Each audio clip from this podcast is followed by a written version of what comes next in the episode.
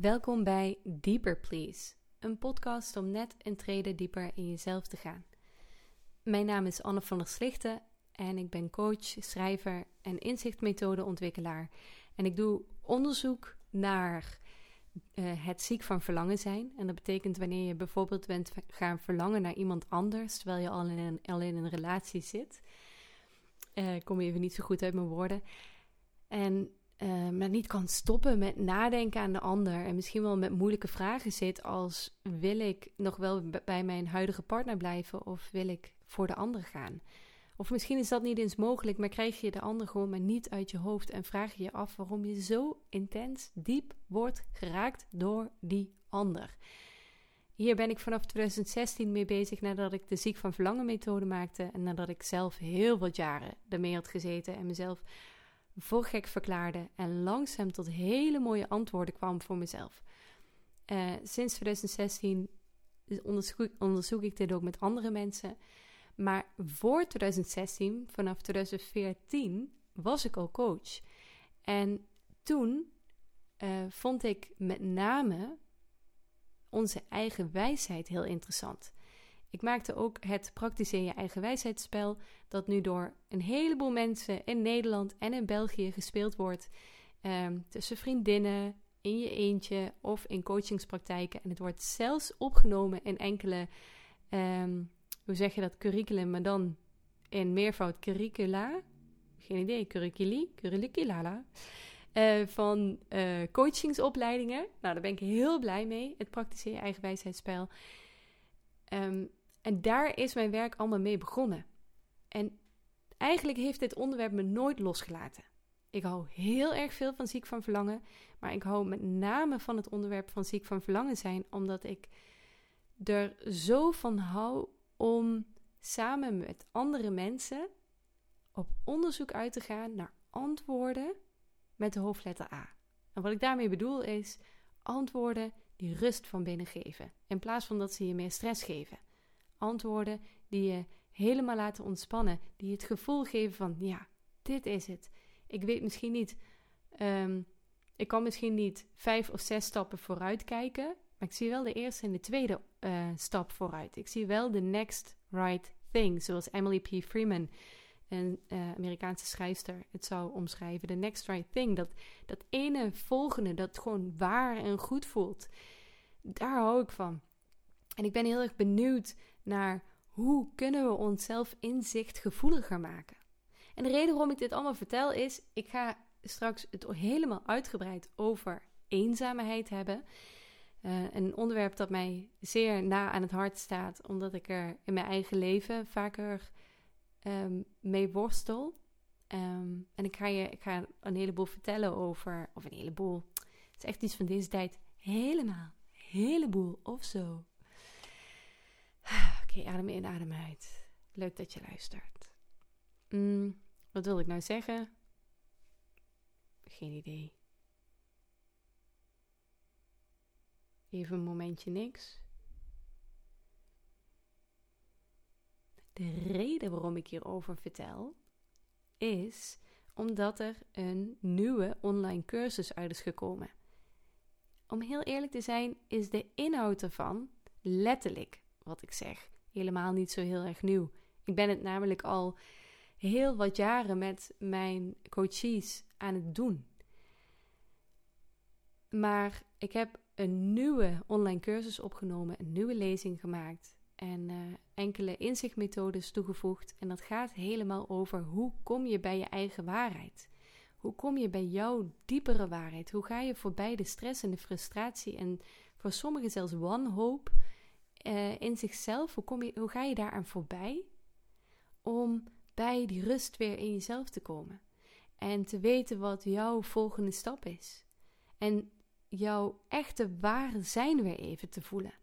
Want laten we eerlijk zijn, hoeveel je ook dit werk doet, dit zelfontwikkelingswerk. Ik ben nog nooit iemand tegengekomen die echt heel wat jaren al op de teller heeft staan en die zegt dat hij van alle shit af is. Oké, als je eenmaal wat langer bezig bent met zelfontwikkeling, zijn er wat meer momenten dat je dichter bij je ware ikje weer komt nadat je flink uit je as bent geslingerd. Maar dat uit de as geslingerd worden blijft doorgaan. Maar dan is het zo fijn weer om terug bij jezelf te komen. En in mijn cursus van de diepere waarheid vertel ik daarover. Ik wilde hier alvast even mee beginnen, want aanstaande vrijdag 9 september, misschien is dat geen aanstaande voor jou, maar in ieder geval 9 september heb ik een pre-order van de cursus. Voor, uh, die duurt ongeveer drie dagen lang tot 12 september. En uh, daarna zal die beschikbaar zijn voor de normale prijs, maar dan zal er een kleine korting bij zijn. En dat wilde ik jou niet ontnemen. Uh, kijk in de, uh, in de tekst bij deze opname, bij deze aflevering, voor de link van deze cursus om te zien wat je allemaal krijgt. Ik ga het uitgebreid hebben over waar in hemelsnaam onze eigen wijsheid zit en welk welke laag van ons bewustzijn en hoe we daar komen. En ben maar niet bang, het is niet super zweverig en spiritueel. Oké, ik gebruik woorden als de diepere waarheid, dus ja, spirituele krijg je het niet. Maar iedereen die een beetje mijn werk kent, die weet ook, ik maak grapjes hier en daar en ik probeer het zo nuchter als mogelijk te houden. Maar ja, ik kan niet echt over dit onderwerp praten zonder af en toe een beetje koekoek te klinken. Um, maar het fijne is dat als je die dingen gaat doen die ik ga vertellen in de cursus, dan uh, voelt het allemaal als minder koekoek aan. Oké, ik klik heel even voor eenzaamheid. Hoe eenzaamheid zich vermomt in vele jasjes. Het is een blog die ook op mijn website annevanderslichten.nl te vinden is. Um, net als mijn Substack-account Entering. Uh, entering als in naar binnen gaan. Ja, ik heb een beetje een liefde voor schunnige, maar ook mooie namen, zoals Deeper Please en uh, Entering, ergens naar binnen gaan. Um, dit is een, een online platform uh, dat ik uh, sinds deze zomer gebruik. En misschien voorjaar ook, weet ik even niet meer zo goed. Waarin ik teksten schrijf en waarin sommige delen ook afgeschermd zijn voor het openbaar publiek. Omdat dit wat gevoeligere teksten zijn. En um, waarin ook eh, QA's gehouden worden. Dus dan kan je een vraag stellen en dan geef ik er antwoord op. Met name uh, zullen de komende vragen gaan over het onderwerp van ziek van verlangen, omdat ik daar meerdere vragen over binnen heb gekregen. hartstikke leuk, heel erg fijn dat jullie dat hebben gedaan. Um, ja, Zullen we gewoon beginnen met, die, met, het, met het gebeuren? Maar wat ik wil voor Substack wilde zeggen, je kan dus gratis abonnee worden. Maar je kan ook een betalende abonnee worden. En dan krijg je toegang tot alle content. Oké, eenzaamheid. Dit gaat over iets wat er een paar weken geleden gebeurde. Met hangende schouders staar ik naar het door mij volgekladde papiertje met allemaal dingen die ik van mezelf moet doen. Ik heb nog twee weken, denk ik, bij mezelf. Nog twee weken voordat mijn coachingspraktijk weer begint. En nogmaals, dit is een paar weken geleden, dit verhaal. Dus inmiddels, ik heb nu mijn eerste week erop zitten. Weer dat de deuren weer openstaan. Maar toen dacht ik, voor die tijd moet het me toch wel lukken om een nieuwe lik verf op de muren te doen. Ehm, om die scheuren in de muren in de woonkamer weg te werken. Om um, dat schoenenkastje in de gang te schilderen. Ah, en al die andere dingen dan die ik op mijn lijstje heb staan. Ik kan dit. Ik weet dat ik het kan. Ik weet dat het is heel erg veel, maar ik kan dit. Maar als de dagen voorbij gaan, blijkt dat ik het helemaal niet kan. Iedere dag duizelt die to-do-lijst me. Ik word helemaal gek, joh. Ik voel me opgejaagd door mezelf en ik voel me vreselijk gestrest. Ik geniet helemaal niet meer zo van mijn vrije vakantiedagen. En het is zo raar, want in mijn hoofd werd ik er eerder nog zo blij van. Als ik dan midden in de nacht wakker lig en alle dingen bedenk die ik nog kan doen, dan word ik daar ook wel blij van. Maar nu, ah, nu ik dat schoenenkastje geschuurd heb, is eerst helemaal schuren en daarna een grondlaag erop. En nou weet ik, ik moet het weer een beetje licht opschuren. En daarna kan ik pas de echte kleur erop doen. Ja, ik zie, ik zie, sorry, maar ik zie op dit punt dus echt niet hoe ik dat ooit nog moet gaan doen. Dat gaat zoveel energie weer kosten. En ik vond het eigenlijk ook helemaal niet leuk om te doen. Maar ja, nu staat dat kastje daar. Ik kan dit niet. Ik, ik ben kapot. Terwijl ik door het huis banjer en allerlei andere kleine taakjes doe van die hele to-do-lijst, bespied ik af en toe dat schoenenkastje in de gang. En kijk er een beetje boos naar. Wat een stom, irritant ding ook. Oh, zo spierwit ook is het nu. Getse dekken. Ik ben boos op dat kastje. Wat een stom ding. Ik ben boos op mezelf. Wat heb ik nu weer op mijn hals gehaald? Ik ben boos op mijn partner. En ik jammer in mezelf. Gewoon echt vanuit spiritueel gezegd de laagste trilling hè, in mezelf. Gewoon dat ik helemaal in mijn zeikmodus zit. Zit ik gewoon te jammeren van, oh, helpt me ook nooit. En hij heeft geen één keer aangeboden om me te helpen met dat kastje. En hij ziet toch ook gewoon dat hier de schilderspullen nog steeds staan. Terwijl ik weet ook wel dat sinds dat we terug zijn gekomen van onze vakantie in Tsjechië, want we zijn naar Tsjechië op vakantie gegaan, dat hij het zo druk heeft gehad. Ik heb, ik heb het zelfs met hem te doen. Hij heeft zoveel werk gehad. En ik heb het eigenlijk niet onder controle, want langzaam al die gedachten die ik heb, die, die worden steeds donkerder. En met name over mezelf. Ik faal ook hier weer in, denk ik. Ik ben echt zo'n ongelooflijk sneu figuur dat niet eens een schoenenkastje kan afschilderen. What's wrong with me? Kom op. Echt, zet mij bij mijn. Zet mij bij. Um, help mijn man klusser, maar dan help mijn vrouw klusser. En echt heel Nederland smult ervan.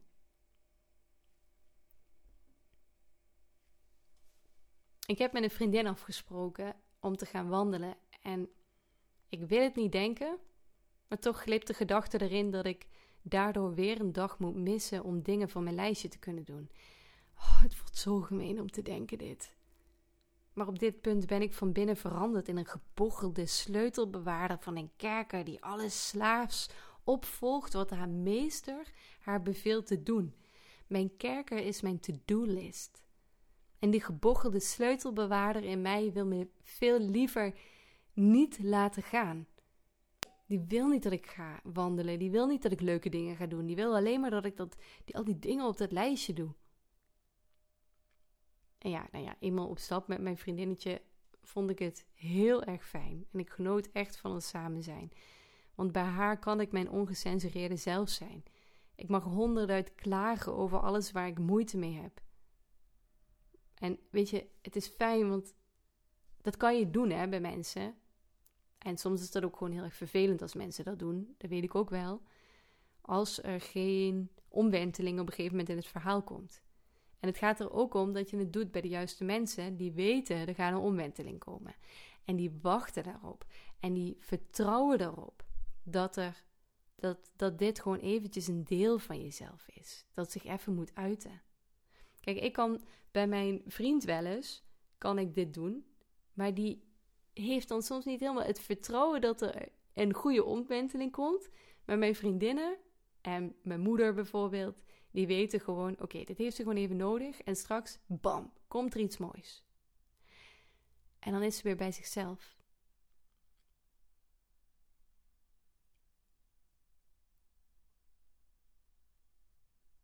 Ik ben even stil, maar ik zit even te denken dat mijn vriend er niet zo heel erg goed afkomt in deze tekst. Maar hij is wel echt schatje hoor. En hij, ja, hij heeft ook wel te doen met iemand die ook wel.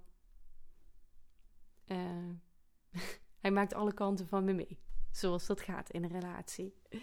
En dan snap ik ook wel dat je niet altijd de puff hebt om nog te luisteren. En dat is bij vrienden toch wel anders. Dan uh, kan je ook gewoon een paar dagen niet kletsen. Terwijl je partner, in ieder geval mijn partner, ik woon samen met hem. Dus we kletsen een heleboel over van alles wat we voelen.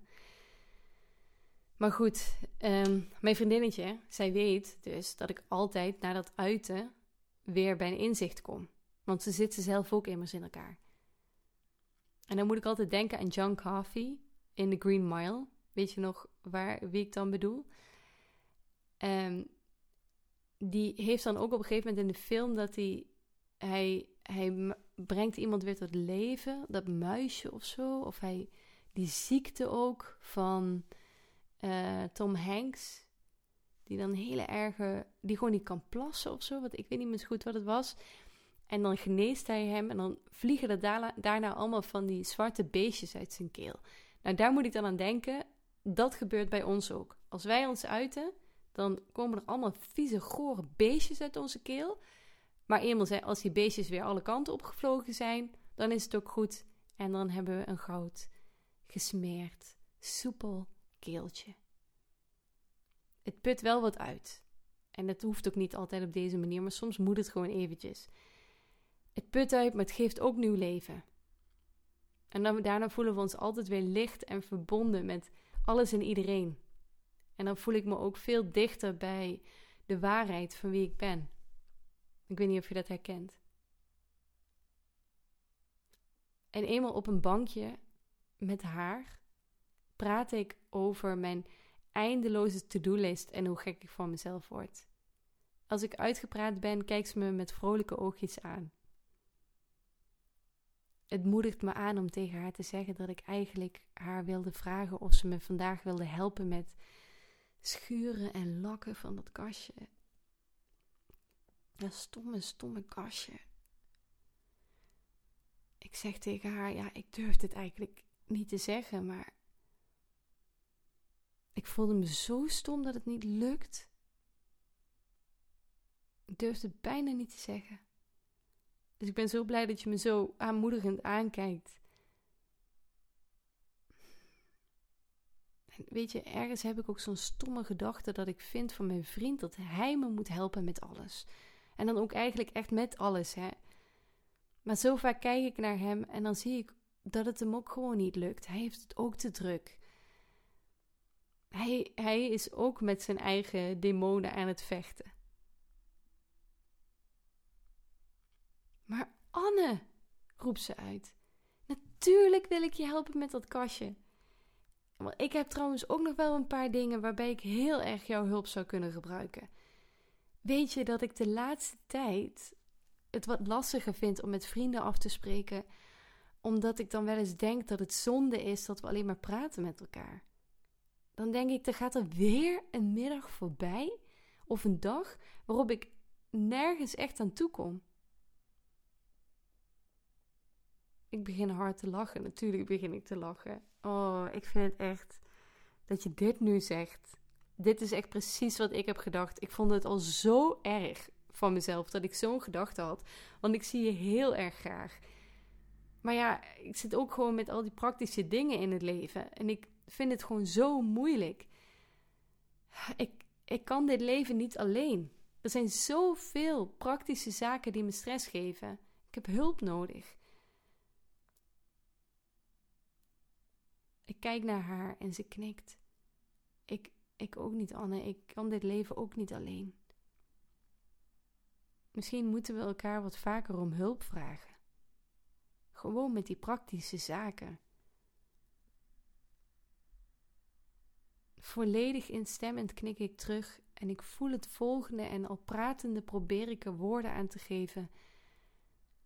Ik denk hè, dat als ik me zo overweldigd voel door bijvoorbeeld zijn to-do-list of door het leven in het algemeen, dat ik op die momenten anderen mag uitnodigen om me te helpen. Ik denk dat overweldiging, die emotie, een symptoom is van eenzaamheid. Mijn vriendin zucht uit herkenning. En weet je, vervolg ik, ik kan zo vaak met een soort van. Ja, en ik vind het echt heel erg voor mezelf. Maar ik kan zo erg met een, ja, een soort van wrok naar mijn geliefde kijken. En die vertroebelt ook echt helemaal mijn liefde voor hem op dat moment. En dan kan ik zo boos op hem zijn dat hij me zo weinig helpt. Naar mijn gevoel, hè? Want als ik er rationeel naar kijk, dan zie ik dat hij me met heel veel dingen helpt. Maar ik denk dat ik gewoon echt te veel van hem vraag. Ik denk ook dat ik dingen van hem vraag die ik ook gewoon aan andere mensen kan vragen. Maar op de een of andere manier zit dat zo sterk in mijn denken dat ik echt alles met hem moet doen. Wat de F is dat, man? Man jongen. Want wat nu als ik het ook gewoon dingen met jou op mag lossen, zeg ik tegen haar. Wat ik als ik het met vriendinnen op mag lossen. Bijvoorbeeld zoals zo'n kastje. En ja, ik heb dus ook nog wel wat andere dingen waarbij ik uh, je hulp best wel goed gebruiken kan. Oh, het voelt zo suf om te zeggen, maar ik zeg het wel tegen haar met een knipoog. En ze knipoog speelt terug.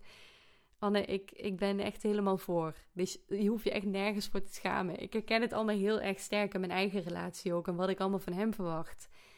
Tijd om wat meer de hulp van vriendinnen in te schakelen in plaats van altijd maar te kijken naar onze mannen. We beginnen te lachen. En daar op een bankje in de natuur spreken twee vrouwen de belofte uit die zoveel vrouwen voor hen hebben uitgesproken. In de honderden jaren voor hen en de honderden jaren die nog na hen zullen komen. Ik zal je helpen als alles te veel wordt.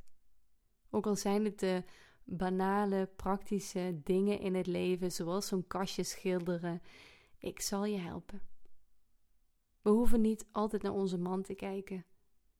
Wij kunnen dit ook. Samen.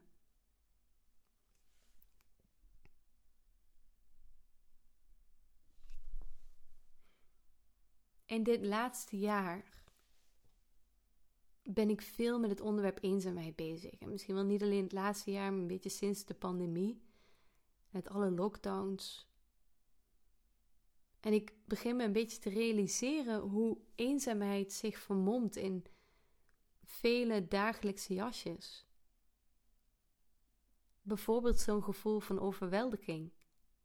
Of het gevoel van ergens in vastzitten en geen keuze kunnen maken of het gevoel van niet genoeg zijn. Allemaal eenzaamheid. Steeds weer kom ik terug bij de wortel van gewoon een dieper gevoel wat daar eigenlijk onder zit. Al die jasjes die lossen, lossen namelijk best gauw op zodra we iemand uitnodigen in onze binnenwereld om naast ons te staan. Ik zie het heel vaak gebeuren in mijn coachingspraktijk. Wat we nodig hebben als alles te veel wordt. Als we ergens in vastzitten. Als we het idee hebben dat we niet genoeg zijn. Het enige dat we nodig hebben. En natuurlijk ook nog wel wat andere dingen, maar wat we met name nodig hebben. Is dat iemand naast ons komt staan. En dat waar we ons zo alleen of gek in voelen. Waar we ons zo voor schamen dat iemand dat wat te groot voelt om alleen te dragen, samen met ons draagt. Ik schreef het ook al eens eerder, als iets te groot voelt om alleen te dragen, dan is het denk ik ook niet de bedoeling dat we het alleen dragen. Dan mogen we het samen dragen.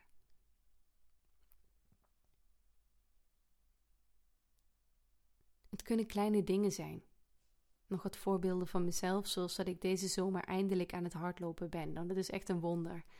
Want ik wilde het al heel lang doen, maar ik deed het steeds maar niet. Maar dankzij mijn broer en mijn schoonzus um, kreeg ik hele mooie hardloopschoenen. En ze gaven me nog wat tweedehands kleren. Mijn schoonzus, die zijn nog in de kast dat hangen. En mijn broer, die had nog zo'n fancy headsetje. En oké, het is niet super hip. En ja, er zit, moet ik, een, ik moet een duct tapeje eraan plakken. Maar het maakt het wel mogelijk dat ik met de Evi-app, rennen met Evi, of lopen, zoals zij het zegt. Want ze is Vlaams, um, een Belgische, dat. Een Vlaamse, dat. Um, ik weet nooit zo goed wat ik moet zeggen eigenlijk. Tijd om het toch een keer op te zoeken. En het voor eens en voor altijd te onthouden. Oké. Maar het, het maakt het wel dat ik het gewoon doe nu. De, de lat of de, die drempel die werd heel erg om, omlaag gehaald. En dan heb ik ook nog een keertje een hele goede vriendin die ook chronisch vermoeidheid heeft. Dat heb ik ook. En zij liet me zien dat zij ook om de zoveel dagen ging hardlopen. Ook met die Evi-app. En toen dacht ik, oké, als jij het kan en als jij er ook zoveel van geniet... Volgens mij is het ook wel wat voor mij. Zij is een enorme inspiratie voor me. En nou ja, ik heb er in een andere brief over geschreven een keer dat uh, ik dat het niet echt goed lukte bij ons in huis om een equal labor in the house te creëren. Dus dat er gelijke taakverdeling is in het huis met mijn partner. Maar ik heb dus sinds vorige week heb ik een hele schoonmaaklijst gemaakt.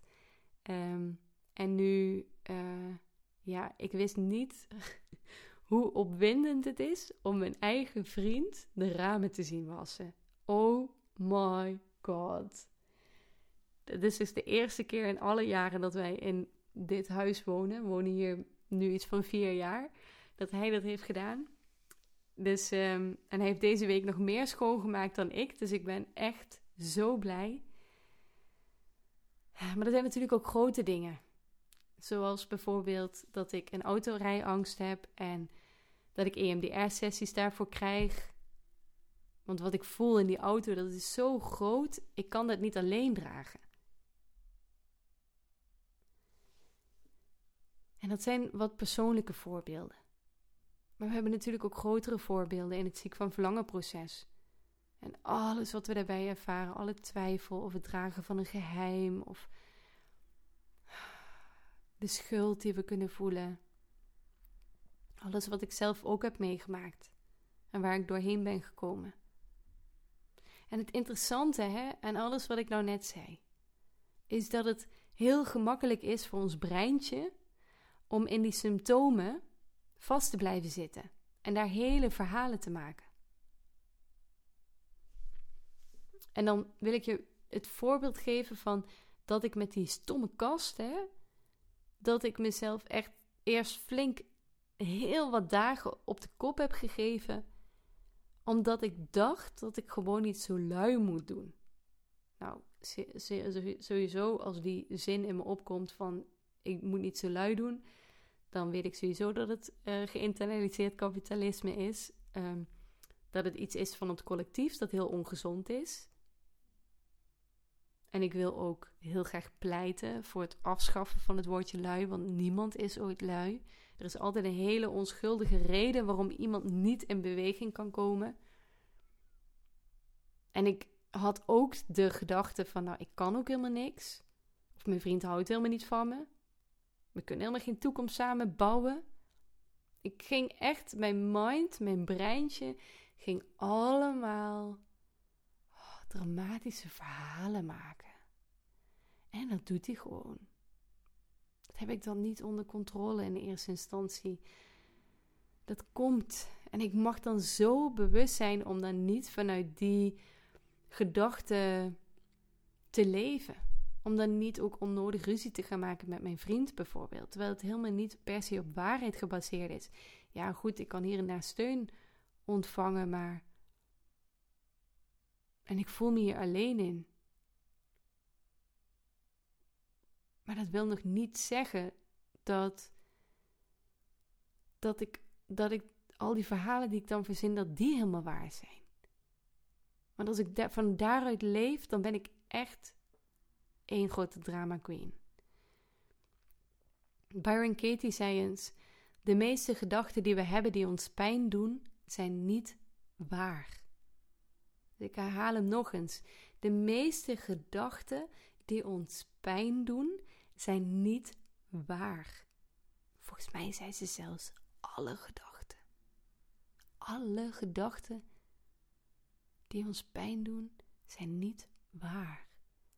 Wat een bevrijding. Dus dan betekent dit dat er toch iets anders waar is. Dus al die lelijke gedachten die ik heb over mezelf zijn niet waar. Oh, oké. Wat is dan wel waar? In die nieuwe online cursus waar ik het in het begin over had, van de diepere waarheid, waarvan vrijdag 9 september de pre-order begint tot 12 september, daar leg ik uit hoe dat werkt. Dan leg ik uit hoe dat werkt, dat we dan allemaal verhalen gaan verzinnen. hoe belangrijk het is dat we alert zijn op die verhalen. Hoe we kunnen, die verhalen kunnen onderscheiden van de verhalen die we maken in ons hoofd. Kunnen onderscheiden tussen waar, van wat waar is en wat niet waar is. Hoe we dat kunnen herkennen in onszelf. En daarin leg ik uit dat die een beetje drama-verhalen, hè, dat dat gedachten en emoties zijn van de reactieve laag. De reactieve laag, dat is de eerste laag van ons bewustzijn. Dat is de laag die als eerste reageert op de problemen die we tegenkomen en in die eerste reactie ook oplossingen probeert te verzinnen. En spoiler alert, that never really works. De magie begint wanneer we voorbij de reactieve laag kunnen komen. Dat is een kunst. En dat, daar vertel ik over in de cursus hoe je dat doet. Want daaronder, onder die reactieve laag, daar liggen de echte oplossingen en antwoorden op, op grote problemen, grote vragen, kleine problemen. En een van die dingen is, wat ik hier ook al zei in dit verhaal, flink jezelf kunnen uiten naar een vriendin die in je gelooft. Maar er zijn zoveel verschillende manieren. En dit is, dit is een hele fijne, lieve. Maar er zijn zoveel leuke methodes. Er zijn leuke trucjes die je kan proberen. En als je meer wil weten over deze cursus, ik heb het erover. Um, ik heb een hele pagina gemaakt op mijn website met meer informatie. De link vind je in de beschrijving van, de, van deze aflevering, van deze podcastaflevering. En nogmaals, de pre-order die start is aanstaande vrijdag op 9 september en het duurt drie dagen tot 12 september. En normaal gesproken maakte ik een pre-order en dan was mijn cursus nog niet af, maar nu is hij wel af. Ik zit er wel nog aan te denken om wat dingen ook eraan toe te voegen. Maar er is nu al vijf uur materiaal, dus je bent er nu al helemaal zoet mee. En het is zo'n fijne start van je jaar. Ik kan niks anders zeggen dan dat. Het is zo'n fijne manier om dit jaar het anders aan te pakken. Op je werk, in je relatie. Om te zien wat er nog meer mogelijk is. Dat als je een heleboel voelt omdat je geraakt wordt, dat je niet per se vanuit de bitch in jezelf of de lul in jezelf hoeft te reageren. Maar dat je. Ehm, en als, als het je helemaal stress geeft ook op het werk. En je denkt, je bent iemand die dan denkt van ja, dan moet ik eigenlijk alleen maar harder werken. Want dat is de enige manier hoe ik het op kan lossen. Maar dat je gaat leren hoe je er anders mee om kan gaan. Hoe je er anders naar kan kijken. En dat je op hele mooie inzichten kan komen. Vanuit jouw eigen wijsheid, vanuit die enorme bron en kennisbank in jezelf en informatie die er gewoon altijd is, maar waarvoor we vanuit een hele stressvolle staat van zijn naar een meer ontspannen staat van zijn mogen gaan, zodat we daar uh, ook wat aan kunnen hebben, dat we daarnaar kunnen luisteren, anders horen we het niet eens. Dankjewel voor het luisteren van, um, van deze aflevering. Wat trouwens ook wel leuk is om te zeggen, is dat op die pagina over de diepere waarheid. Uh, link vind je dus hier in de aflevering uh, tekst, de begeleidende tekst. Ik weet niet hoe ik het moet noemen. Dat ik een uh, filmpje ook erin heb staan van een gedicht dat ik voordraag over een kat. En dat is een 17e eeuws gedicht. En dat is een heel, van, een, van een mysticus, een Indiaanse mysticus. En um, dat geeft ook wel een beetje een gevoel van hoe die cursus gaat zijn. Nou, lieve jij, um, dankjewel voor het luisteren en heel erg veel liefs.